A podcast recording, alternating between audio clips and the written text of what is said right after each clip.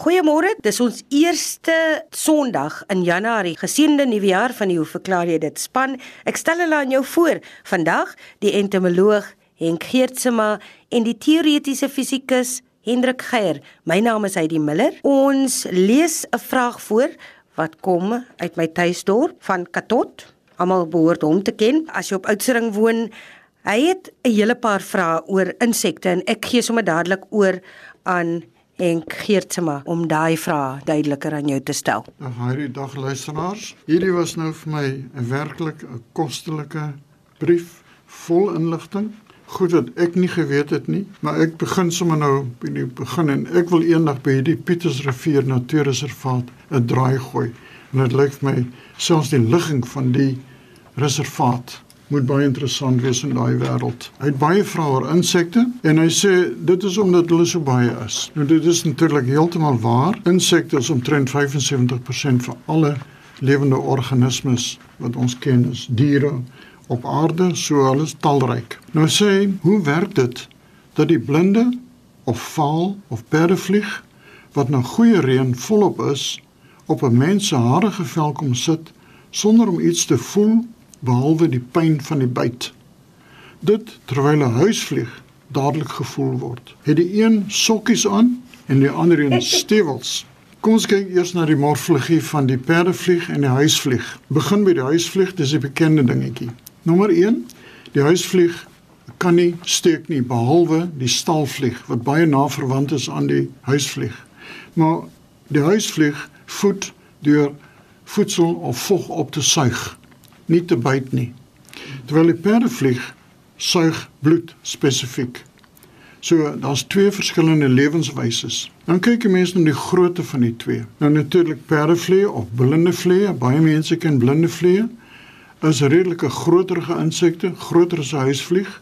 En as mens kyk na hulle morfologie, sal mens sien dat die pote is baie langer as die van 'n huisvlieg. Nou die perdevlieg is natuurlik is 'n baie groot groep van 'n bloedsuine vliee. En wat interessant is, byvoorbeeld uh, 'n springbok sal 'n ander kompleks van perdevliee hê, nie noodwendig op perde nie, né, as byvoorbeeld 'n gemsbok. Dit hang af van die dikte van die beharing of die pels van die betrokke dier. Met ander woorde, die lengte van die monddele van die perdevlieg is gekoördineer met die dikte van die pels. Dis nou 'n baie interessante storie. So, die met 'n lang snoet, die kan deur 'n digte laag pels deurkom en dis hoekom 'n mens baie perdevlieg of blinde vliee kry op die pensgedeelte van beeste en so aan, want dis waar die beharing die kortste is, maar nie net dit nie. Dis waar ook die skaduwee is, né? Soos in die geval van tsetsefliee.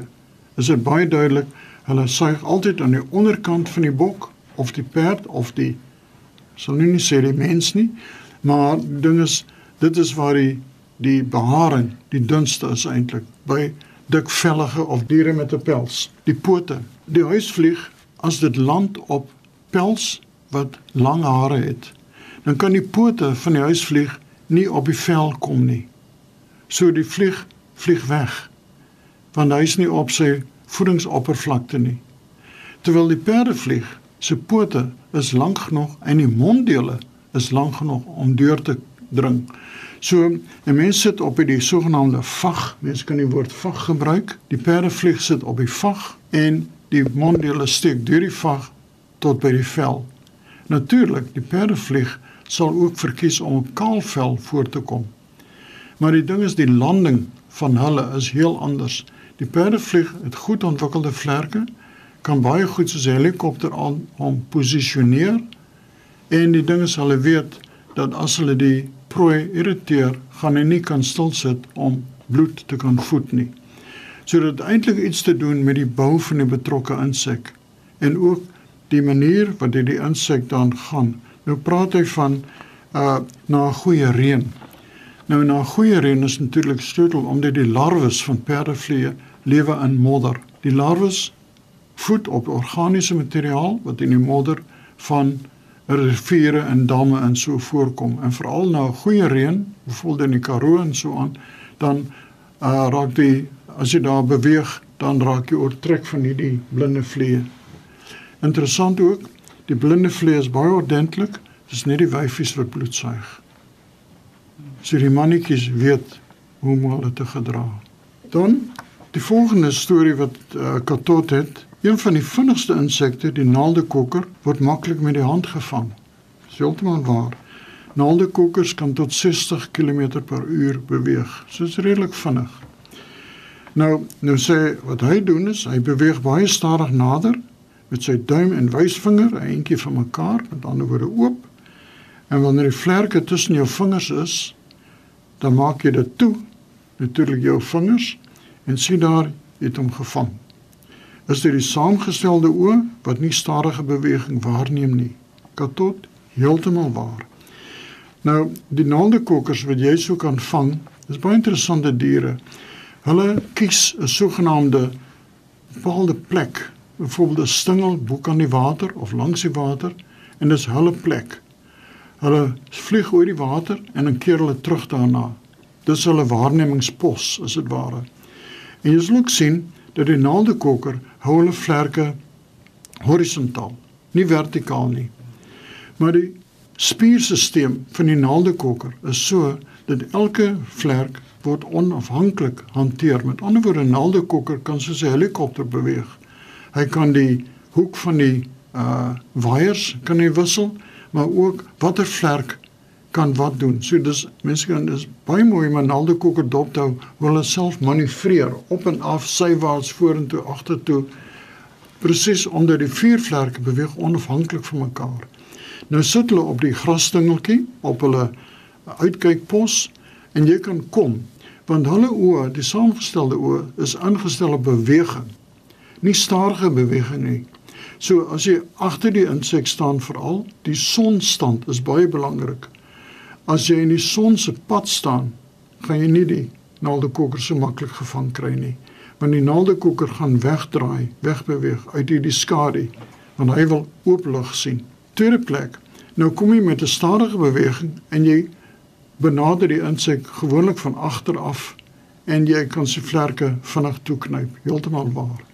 Nou die saamgestelde oë, nou naaldekokkers het groot oë met tot 28000 fasette. Nou elke faset sien 'n klein deeltjie van die beeld. Met ander woorde, as 'n ding beweeg, dan verskuif die beeld oor hierdie klomp vlakke en die insek neem dit waar as beweging, met ander woorde 'n potensiële prooi of maat. Op die bokant van die kop van die naaldekoker is daar drie klein enkelvoudige oë.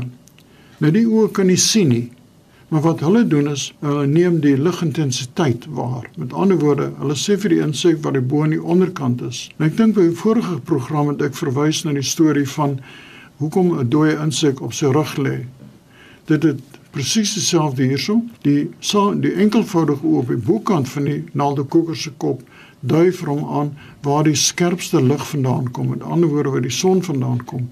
En as jy nou die son blokkeer, dan sê die enkelvoudige oë hier is fout. Heroriënteer jouself. En natuurlik die interessante ding is by insekte die kop oriënteer en dan swaai die liggaam agtertoe om weer in pas te kom in die rigting van die kop. So Dit is die storie van die naaldekokker. Ek wil verder gaan met hierdie brief van Katot en dit is 'n volgende punt wat hy maak oor ontbyt of breakfast heuning. Ek het hierdie storie van hom geniet want uh, ek het nie geweet nie en ek dink die luisteraars ook nie maar ons gaan nou die storie hou tot by die volgende program. Dan wil ek net gou terugkom na 'n vraag van Flip Teron. Hy vra al in Julie gevra en dit gaan oor evolusie. Sy een kort vraagie is: gebeur evolusie ook skielik? Nou dis baie as jy reg gehoor het. Nou sê hy selfs in die sosiale, ekonomiese, politieke lewe wil dit vir hom voorkom asof dinge skielik gebeur of onverwags.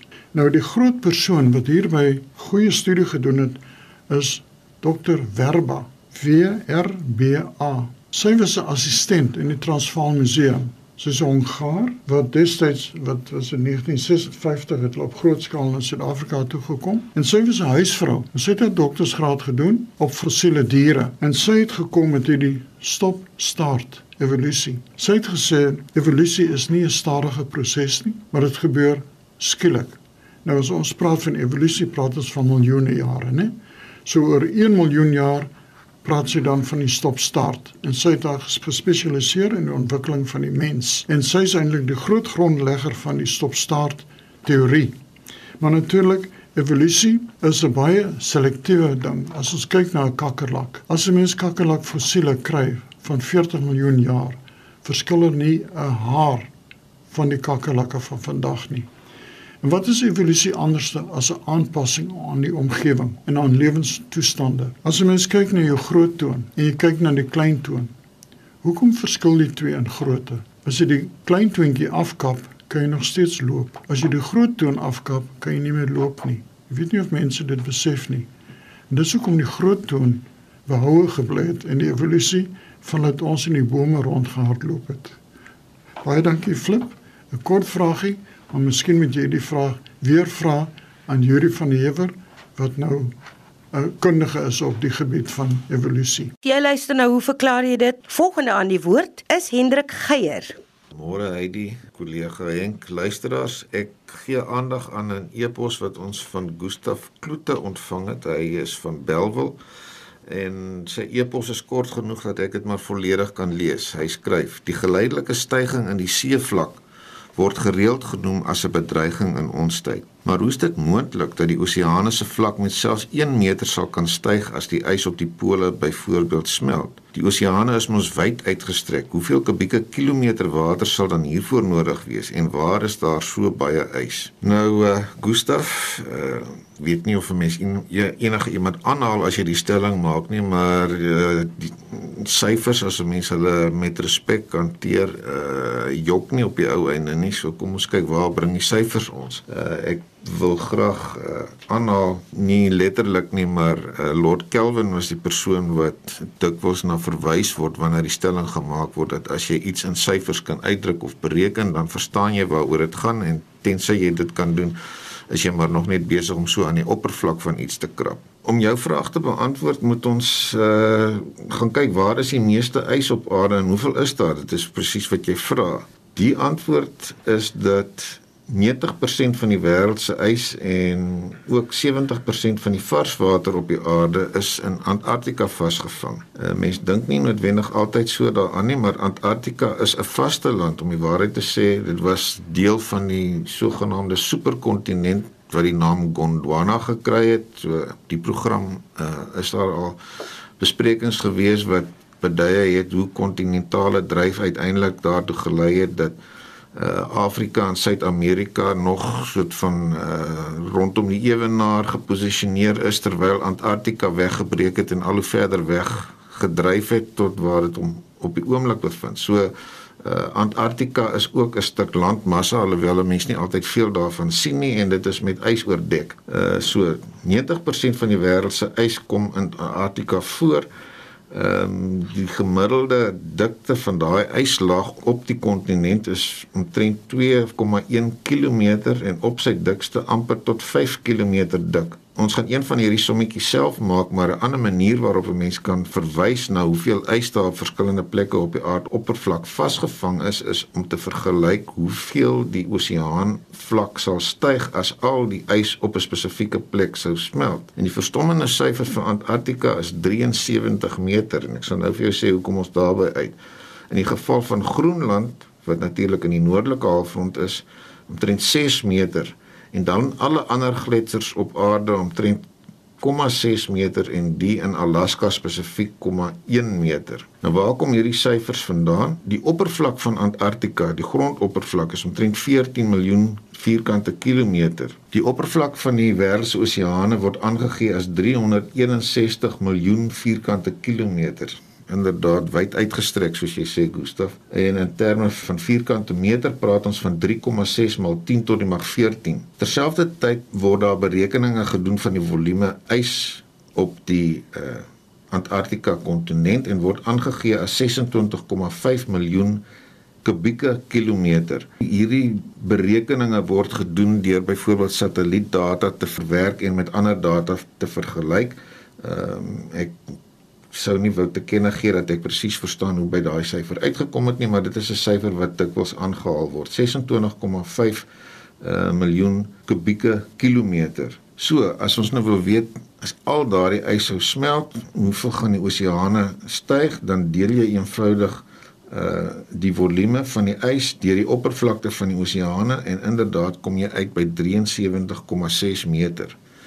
Nou niemand is beweer dat die ys op Antarktika alles gelyktydig gaan smelt nie want die gemiddelde temperatuur daar is omtrent uh, -37 grade Celsius so daar is nie 'n onmiddellike gevaar dat al daai ys eensklaps gaan smelt nie maar dit gee jou darm 'n idee van hoeveel ys daar inderdaad is wat baie nader aan soort van kommerwekkende tendense op die oomblik is is wat in Groenland gebeur uh waar die tempo waarteen van die gletsers op Groenland smelt is besig om toe te neem en soos ons reeds aan die begin gesê het is al daardie ys sou smelt uh dan sou dit 'n stygings van omtrent 6 meter oor die ganse oseaan vlak uh bewerkstellig. Ek moet miskien hier net twee stukkies ander inligting byvoeg uh, uh Gustaf.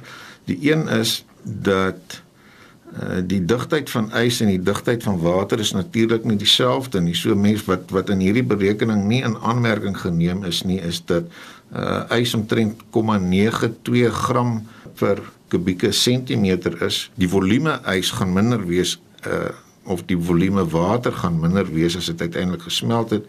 Ehm um, dan kom ons omtrent by 'n stygings van alle ys op die Antarktika kontinent wat smelt wat dan na 67,7 meter uh, vertaal. Maar nietemin dit is nog steeds 'n asemrowende uh, getal. 'n Ander aspek wat wat dikwels hier ter sprake gebring word is om te verwys na drywende ys. Nou ons weet en ek dink ek het dit al by hierdie program bespreek hoekom dit so is as 'n blokkie varswater ys in varswater dryf en smelt, dan gaan die die vlak van die water nie styg nie, dit bly presies dieselfde. Aan die ander kant as vars water in soutwater dryf en uiteindelik smelt, dan bring dit 'n ekstra omtrent 2,5% stygings mee.